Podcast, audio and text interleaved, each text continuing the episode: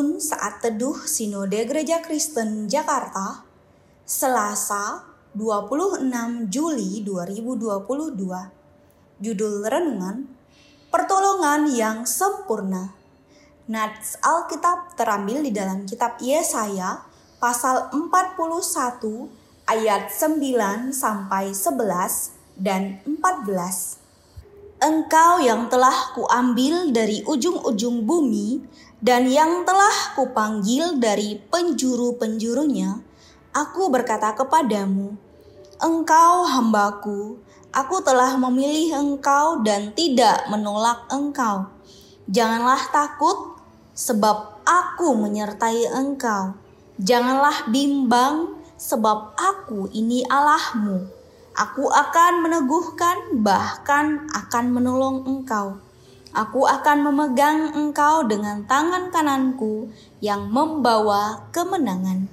Sesungguhnya, semua orang yang bangkit amarahnya terhadap engkau akan mendapat malu dan kena noda. Orang-orang yang membantah engkau akan seperti tidak ada dan akan binasa. Janganlah takut, hai si cacing Yakub, hai si ulat Israel, akulah yang menolong engkau.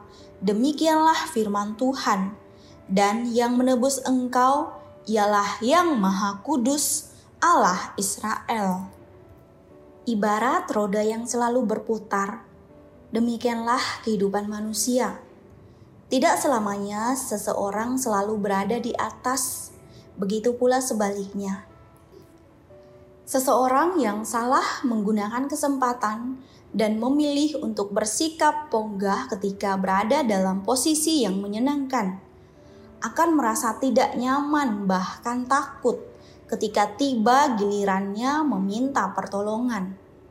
Rasa takut ini jugalah yang terjadi dan dialami oleh bangsa Israel karena perbuatan mereka yang menyakiti hati Allah. Bangsa Israel sadar akan kesalahan yang telah mereka lakukan, yaitu melanggar perjanjian dengan Allah.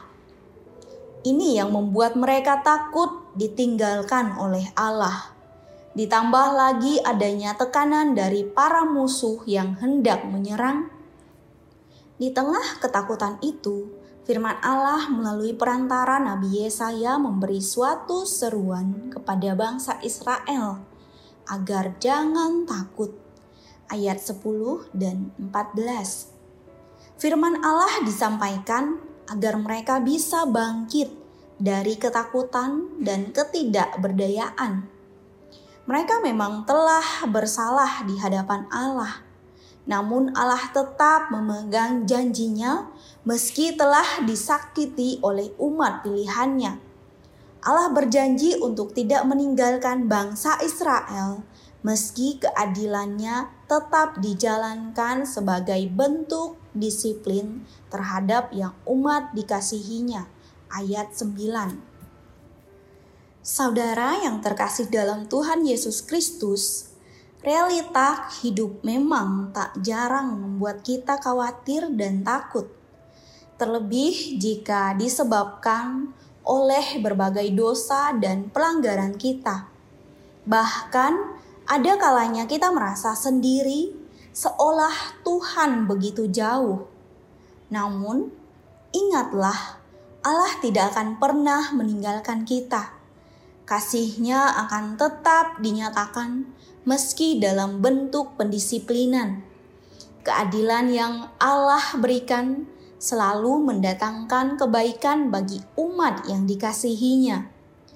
Oleh sebab itu, sudah sepatutnya kita bertobat dan berbalik dari hal yang mendukakan hati Tuhan. Bersyukurlah karena Allah begitu dekat dan kehadirannya dapat selalu kita rasakan.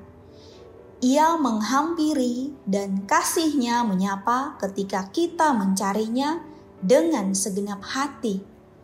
Bersyukurlah karena Allah mengasihi kita. Pertolongan Tuhan tidak dibatasi oleh tindakan umatnya. Amin. Terima kasih, Tuhan Yesus memberkati.